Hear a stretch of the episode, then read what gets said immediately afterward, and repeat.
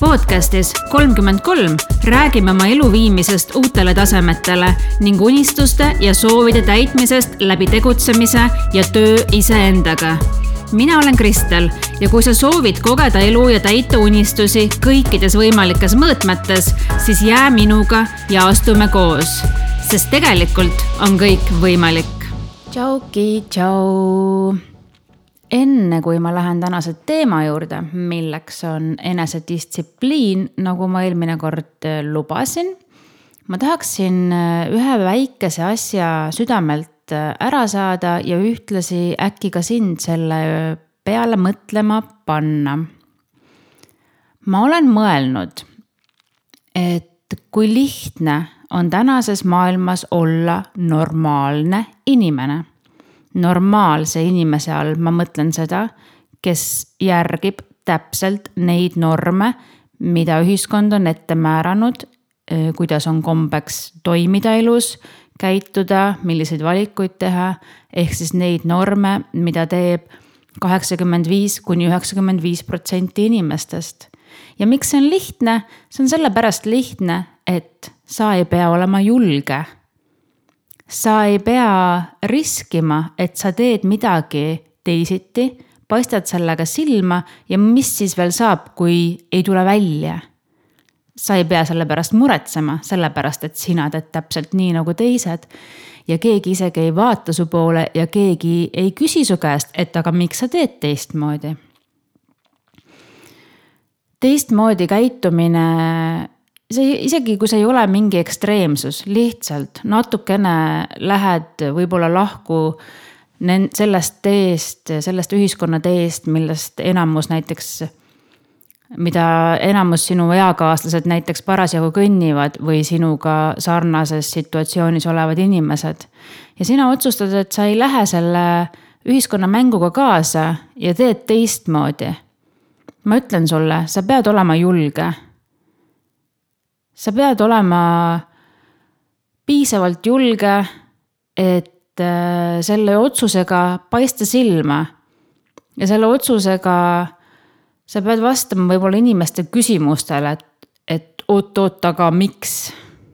ja ma arvan, et kui sul, sul ei ole seda julgust võtta oma rada ja vahel olla selles rajas, sellel rajal täiesti üksi ja vahel olla teadmatuses ja vahel olla riskis, selles mõttes, et võtta risk ja riskida sellega, et sa tegid hoopis vale otsuse või et sa ei teinud parimat võimalikku otsust. kui sul ei ole julgust olla all in, siis need sinu südamesoovid ja sinu tõelised potentsiaalid paraku võivad jääda saavutamata me tihti oleme olukordades, kus me mõtleme, et oo, ma tahaks midagi saada, aga ma tahaksin seda saada mugavalt. ma ei taha liiga palju minna oma mugavustsoonist välja ja ma ei taha liiga palju teha asju teistmoodi, kui ma tänaseks päevaks juba harjunud olen ja ma ei taha liiga palju tähelepanu tõmmata nende asjadega. ja ma ei taha liiga palju kedagi pahandada ja ma ei taha üldse minna kellegi arvamusega vastuollu ja ma tahaks üldse, et kõik kõigile ma meeldiksin ja, ja kõik vaataksid, kui häid otsuseid ma teen. aga nii ei saa. tihti on see, et sa pead valima, kas sinu sisetunne või ühiskonna arvamus või sinu perekonna arvamus või sinu töökoht. millest iganes sa pead loobuma. sa pead olema valmis seda tegema ja sa pead olema valmis üksi olema selles otsuses. ja piisavalt jalad maas, et endale kindlaks jääda. ühesõnaga jah, vahepeal on päris raske. kui, kui ma olen teinud mingi otsuse, mis ei ole väga tavapärane, samas ka mitte midagi ekstreemset, on ju täiesti inimlik soov see, et näiteks ma ei soovi olla ütlen otse, oma lapse kooliorjuses ja alates sellest hetkest, kui mu laps on seitse, näiteks äh, reisida ainult kooli vaheaegadel, mis on väga lühikesed ja nendel aegadel on kõige suurem tung igale poole.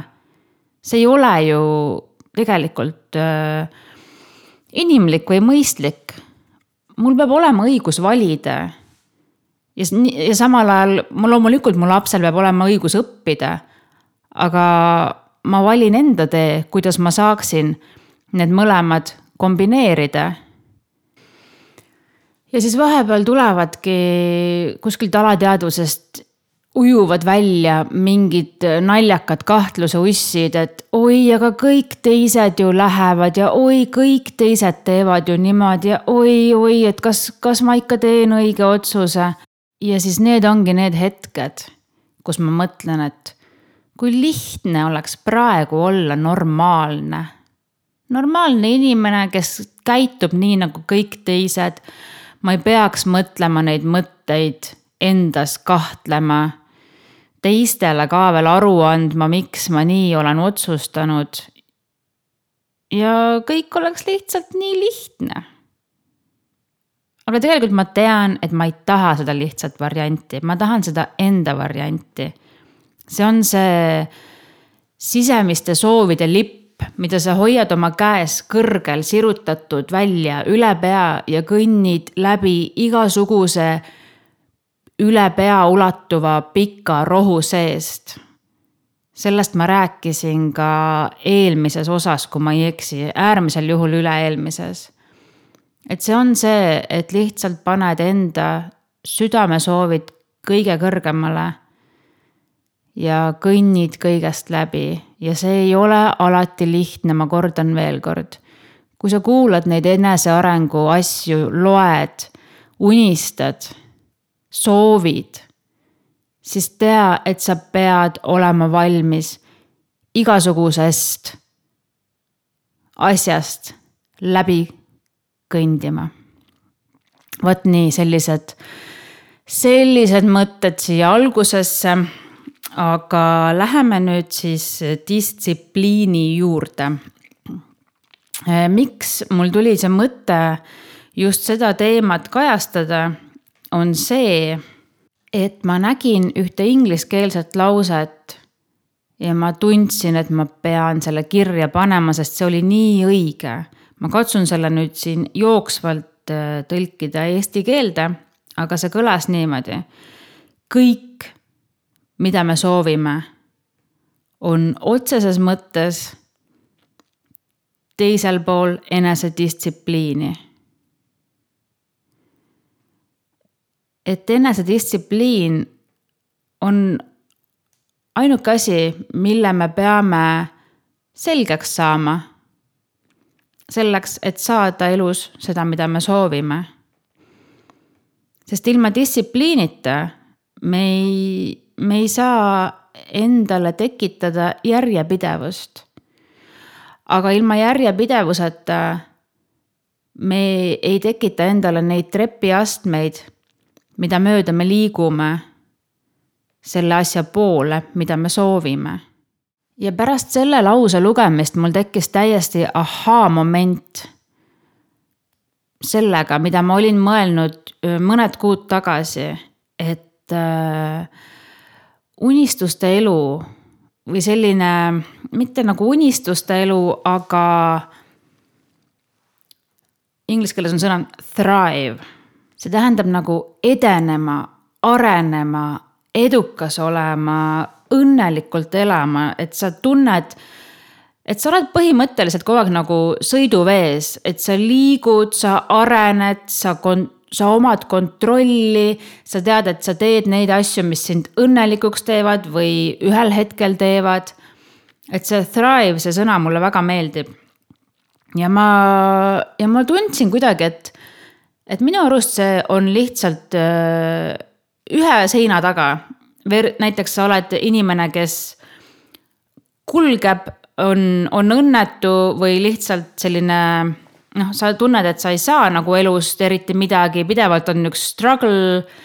tunned, et sa ei kontrolli paljusid asju, asjad lihtsalt juhtuvad ja sina, sina ei ole oma elu juht, ühesõnaga. Versus siis see, et sa oled oma elu juht, sa ise disainid, kujundad oma elu ja liigud järjest edasi. et äh, need kaks asja, neid lahutab üks sein. ma mõtlesin, et mis asi see on, ma teadsin, et see on mingi energeetiline sein. et kui sa saad ainult ühe, ühest asjast üle, sellest ühest seinast saad üle, siis kakskümmend, kolmkümmend, nelikümmend, viiskümmend, sada asja oma elus sul on võimalik paremaks muuta. ja nüüd ma sain aru, et see vist ongi see enesedistsipliin. See sõna distsipliin kõlab jube karmilt.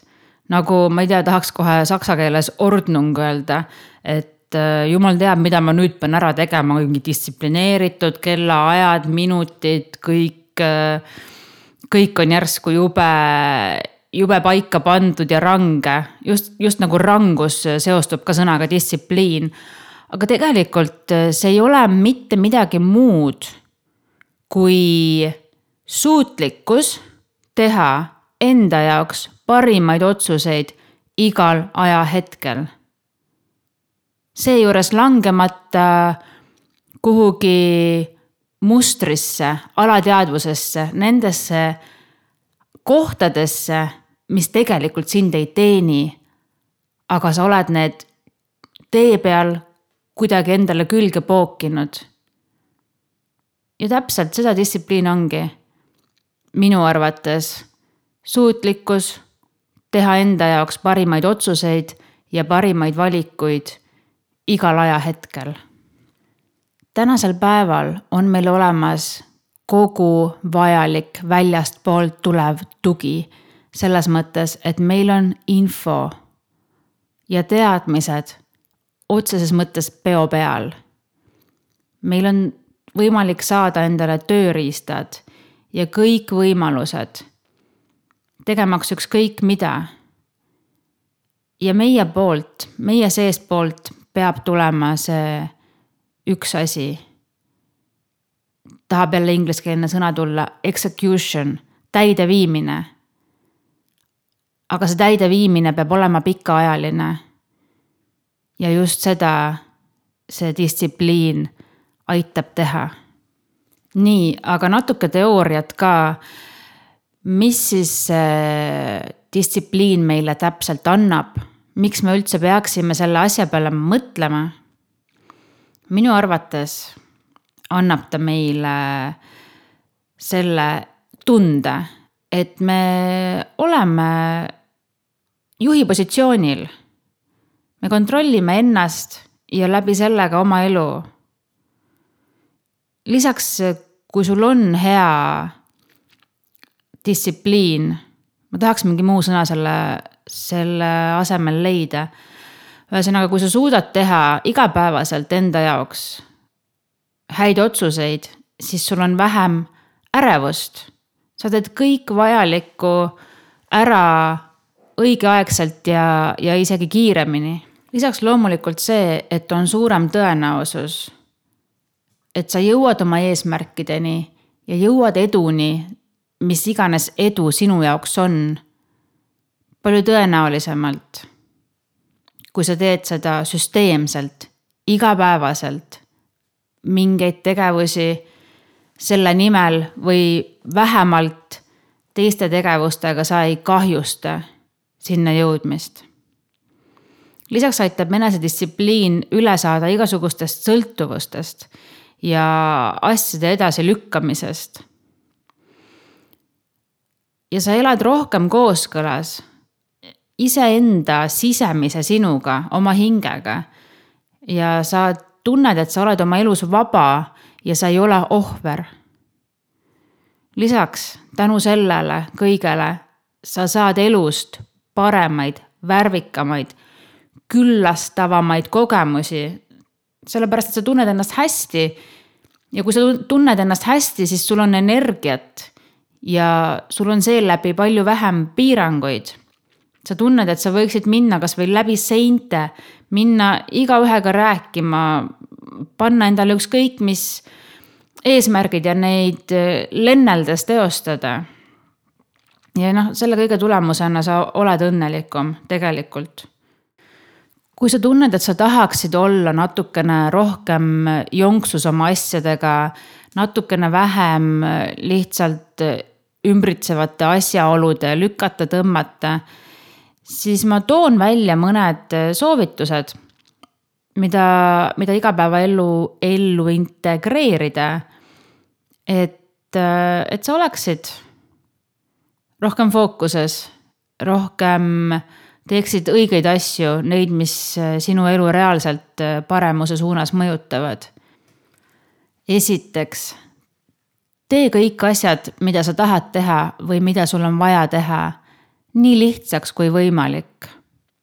näiteks, kui sul on mingi töö vaja valmis saada, siis lihtsalt tuimalt eemalda segajad. kõik, mis sind vähegi võib fookusest välja viia, pane ära, silme alt ära. ja lihtsalt ise loo oma keskkond teadlikult selliseks et sul on lihtne teha just neid asju, mida sul on vaja teha. ja samal ajal nendeks hetkedeks, mil sa tead, et sa oled nõrk. näiteks jõuad töölt koju, kõht on hullult tühi, võtaks köögikapist selle, ma ei tea, küpsisepaki või, või ma ei, no mingi šokolaadibatooni näiteks planeeri sellised et, hetked juba ette. või siis, et äh, sul on tegelikult plaanis nädalavahetusel puhata ja endale meeldivate asjadega tegeleda. aga sa tead, et reede õhtul kellegi poolt niikuinii mingi kutse kuhugi sulle tuleb. Tee ennast juba ette tugevaks ja mõtle, mida sa sellisel puhul vastad või näiteks, kui lähed äh, kuhugi sünnipäevale, peole ja tead, et seal on igasuguseid toite, millest äh, sina oled otsustanud loobuda. mis mõtteviisiga sa sinna lähed? veel üks äh, oluline näide on need hetked, kus sa oled tüdinud või väsinud, aga mi-, midagi on veel vaja näiteks ära teha ja sa nii tahaksid selle homsesse lükata ja käega lüüa. mida nendel hetkedel teha? kuidas sa saaksid ennast nendel hetkedel motiveerida? näiteks äh, salvesta telefonisse mingeid inspiratsioonipilte, milleni sa tahad jõuda. Nende najal on sul lihtsam väsimuse hetkedel mingid asjad ära teha või siis mõtle selle peale, kuidas sa ennast viimati tundsid, kui sa lükkasid midagi edasi. ja oled küll täna väsinud, aga, aga mõtle selle tunde peale, millega sa homme ärkad, kui see asi tehtud on. ühesõnaga, see asi nüüd uuesti kuidagi kokku võtta. mõtle, kuidas teha asjad enda jaoks võimalikult lihtsaks. ära mõtle üle, ära mõtle liigselt paljudele detailidele, ära mõtle ka liiga suurelt. näiteks vahel me tahame kirjutada midagi lihtsalt kirjutada ja siis me mõtleme, et juba sellest kui mingist viiesaja leheküljelisest raamatust. ja mõtled, et ei, ei, mina küll mingi raamatu kirjutaja ei ole, aga lihtsalt alusta sellest leheküljest, ära mõtle, et see peab nüüd viissada lehte kokku tulema ja alla selle ei ole mõtet tihti me nagu, meil tekib mingi idee. ja siis me hakkame kohe peas edasi ker-, kerima, kuhu see idee võiks edasi viia. ja, ja see tundub juba liiga suur ja hirmutav. ja siis me ei alusta selle väikse asjaga ka. ühesõnaga, kõik asjad võimalikult lihtsaks. teine ära ütle endale, et ma pean tegema seda, ma pean tegema seda, siis ma pean veel tegema seda ja siis ma pean veel tegema seda. pööra need asjad ümber, sa saad teha, sa võid teha, sul on võimalus. mõtle, millised võimalused meile on antud kõiki neid asju teha. Need on imelised võimalused. meil on keha, millega teha trenni. Meil on tehnika, millega salvestada podcast'i. meil on internet, kus võtta erinevaid kursusi ja saada piiramatult teadmisi lihtsalt koduseinte vahel. me võime, meil on imelised võimalused ja me saame, me saame teha neid asju, mis viivad meid sinna, kuhu me soovime minna. Asenda sõna ma pean sõnaga ma saan. ma tahan, mul on võimalus. kolmandaks juba mõnes teises episoodis läbi käinud, aga leia oma miks. on suur vahe, kas sind paneb tegutsema see suur miks või siis hetke motivatsioon. motivatsioon, kui sa nüüd mõtled oma päevade peale, siis päevade lõikes, tundide lõikes hooaegade lõikes, näiteks aasta algus versus aprillikuu, on ju, sa tead, motivatsioon hajub, muutub, tuleb ja läheb. aga kui sa oled enda jaoks läbi mõelnud selle suure pildi, mida sa tahad, miks sa tahad, siis ei lähe su tahe tegutseda kunagi ära. kirjuta see endale paberi peale salvesta see endale piltidena ja tuleta seda endale ikka ja jälle meelde ja ütle endale, et sa oled seda väärt. sinu soovid ei ole utoopilised. sa oled väärt täpselt sellist elu, nagu sina tahad. neljas, tehtud tegevuste ülesmärkimine. kas siis to-do list'ist maha kriipsutamine, linnukeste tegemine see ehitab enesekindlust ja alusta kasvõi väiksematest tegevustest. ja kui sa saad neid linnukesi sinna kirja panna, siis usu mind, see annab sulle jõudu minna edasi ja edasi. Linnukeste, linnukestega seoses saab ka teha sellise kuuplaani, kus sa iga päev paned omale linnukese, et sa tegid mingi asja ära ja siis sul on nii hea vaadata tagantjärele, et sa oledki seda asja teinud iga päev ja see annab sulle jõudu ja motivatsiooni jätkata. seoses to-do listiga tahaks veel mainida seda, et ära keskendu sellele, mis sul seal veel ees seisab, vaid samavõrra keskendu ka sellele, mis sul juba tehtud on. tihtipeale me oleme oma mõtetega tulevikus. oi, see on veel vaja teha, see on veel vaja teha, see on veel vaja teha. see on tegemata, see on tegemata. aga tead, vahepeal pööra pilk sinna, mis sul juba tehtud on.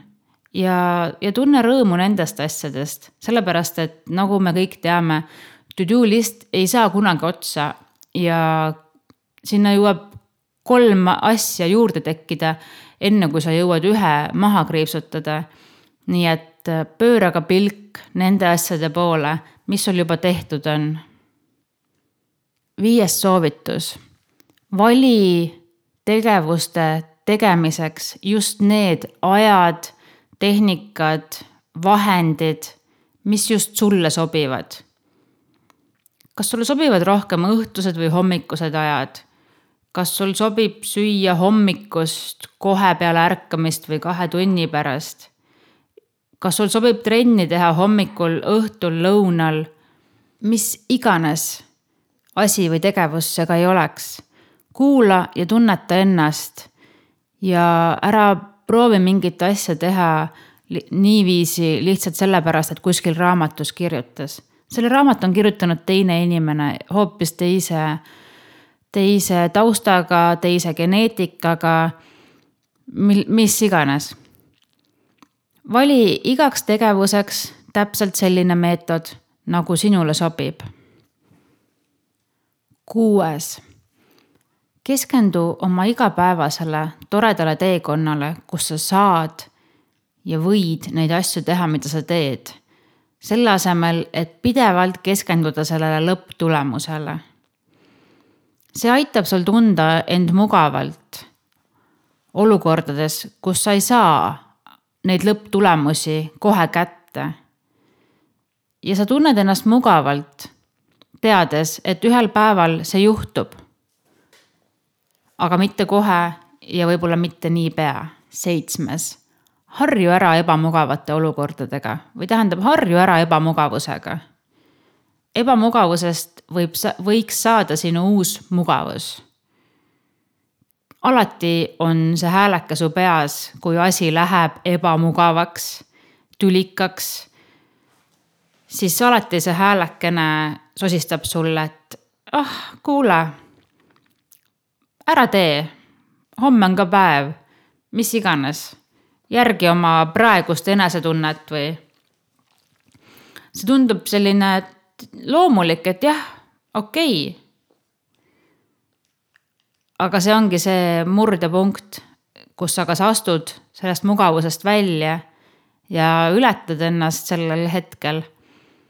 või mõtledki, et okei okay,, täna ma olen väsinud, proovime homme uuesti. üks asi, mis aitab karastuda ebamugavateks hetkedeks, ongi külm dušš näiteks. sa tead, et sind ootab ebamugavus ees ja sa ometigi teed endale seda. soovitan proovida. ja lõpetuseks, kaheksandaks ka selline mõte, et aga võib-olla sa ei peagi kõike ise tegema. Ei ole mõtet sundida ennast tegema midagi, mis on täiesti loomuvastane, lihtsalt sellepärast, et ennast distsiplineerida või ennast kasvatada. ei tegelikult ei pea kõike tegema. näiteks kui sa tunned, et sa ei suuda nõusid pesta, siis on väga okei okay osta koju nõudepesumasin. Sa ei pea iga hinna eest ennast sundima mingit asja tegema, mida saaks mingi teine asi või teine inimene sinu eest ära teha ja sina saaksid keskenduda hoopis meeldivamatele ja sind edasi viimatele, viivamatele tegevustele. ma arvan, et sellisest lihtlabasest enesesundimisest midagi tegema sunni pärast või ongi distsiplineerimise pärast. Mina ei usu, et sellest abi on. pigem tee ikkagi neid asju, mis sulle meeldivad. tee neid nii, nagu sul parem on, sellisel ajal, nagu sul parem on ja tee need enda jaoks võimalikult lihtsaks, võta kõik üleliigne hustle sealt ümbert ära ja lihtsalt naudi oma teekonda. aga meil on raske juurutada uusi käitumismustreid, uusi harjumuslikke tegevusi ja otsuseid. Kui me oleme mingit pidu näite-, mingit pidi näiteks kolmkümmend aastat oma elus käitunud, siis see on raske seda muuta ja me peame lihtsalt selleks valmis olema. Ja sellepärast ongi meil vaja seda sisemist drive'i, seda sisemist distsipliini, sundlust isegi. ja samamoodi ka järjepidevust, et see saaks meie aiu sisse tallatud rajaks ma toon sulle ühe täiesti väikese asjaga seotud näite. kus ma sain aru, et jaa, täitsa lõpp, kui juba see asi nii raske on, mis siis veel mingid palju olulisemad harjumused. Et äh, mu sõbranna kinkis mulle ripsmeseerumi. see on selline asi, mida tuleb äh, panna oma ripsmetele ripsmejuurte juurde kord päevas õhtuti enne magama minekut. väga lihtne ja toimib. ma olen näinud, et see paneb ripsmed paremini kasvama, teeb ripsmed pikemaks. ja ma tõesti olin väga õnnelik selle üle, sest kes ei tahaks pikemaid ripsmeid, on ju. Ja mis ma siis avastasin pärast paari kuu möödumist et ma lihtsalt olen unustanud enamustel õhtutel seda panna, kuigi see seisab mul vannitoa kapis, kus on ka kõik mu hambahari, näokreem, kõik muud vajalikud asjad. ja sellest hoolimata ma olen unustanud seda kasutada. miks? sellepärast, et mul ei ole seda harjumust. seega hoolimata sellest, et see tegevus on lihtne, meeldiv, võtab vähe aega, ei nõua mitte mingisugust pingutust, väga lühiajaline ja toob mulle kahtlemata head tulemust. sellest kõigest hoolimata ma ei suutnud kahe kuu vältel enda aju panna tegema seda liigutust õhtuti. ja siis ma hakkasingi mõtlema, et mis siis veel nende suurte asjadega, ebamugavust põhjustavate asjadega. et mõelda vaid, kui palju ressurssi me peame selleks kasutama, et mingeid suuremaid, määravamaid asju enda ellu juurutada. me peame olema valmis selleks pingutuseks selleks ebamugavuseks. me ei saa eeldada, eeldada, et asjad meie elus muutuvad ise kuidagi jooksvalt, kuidagi on mugavalt niimoodi, et me peaaegu ei saa arugi. ja mõne asjaga võib nii olla. aga me võiksime teadlikult olla valmis selleks distsipliiniks, selleks pingutuseks ja selleks ebamugavuseks toon sulle veel ühe laheda näite enda igapäevaelust.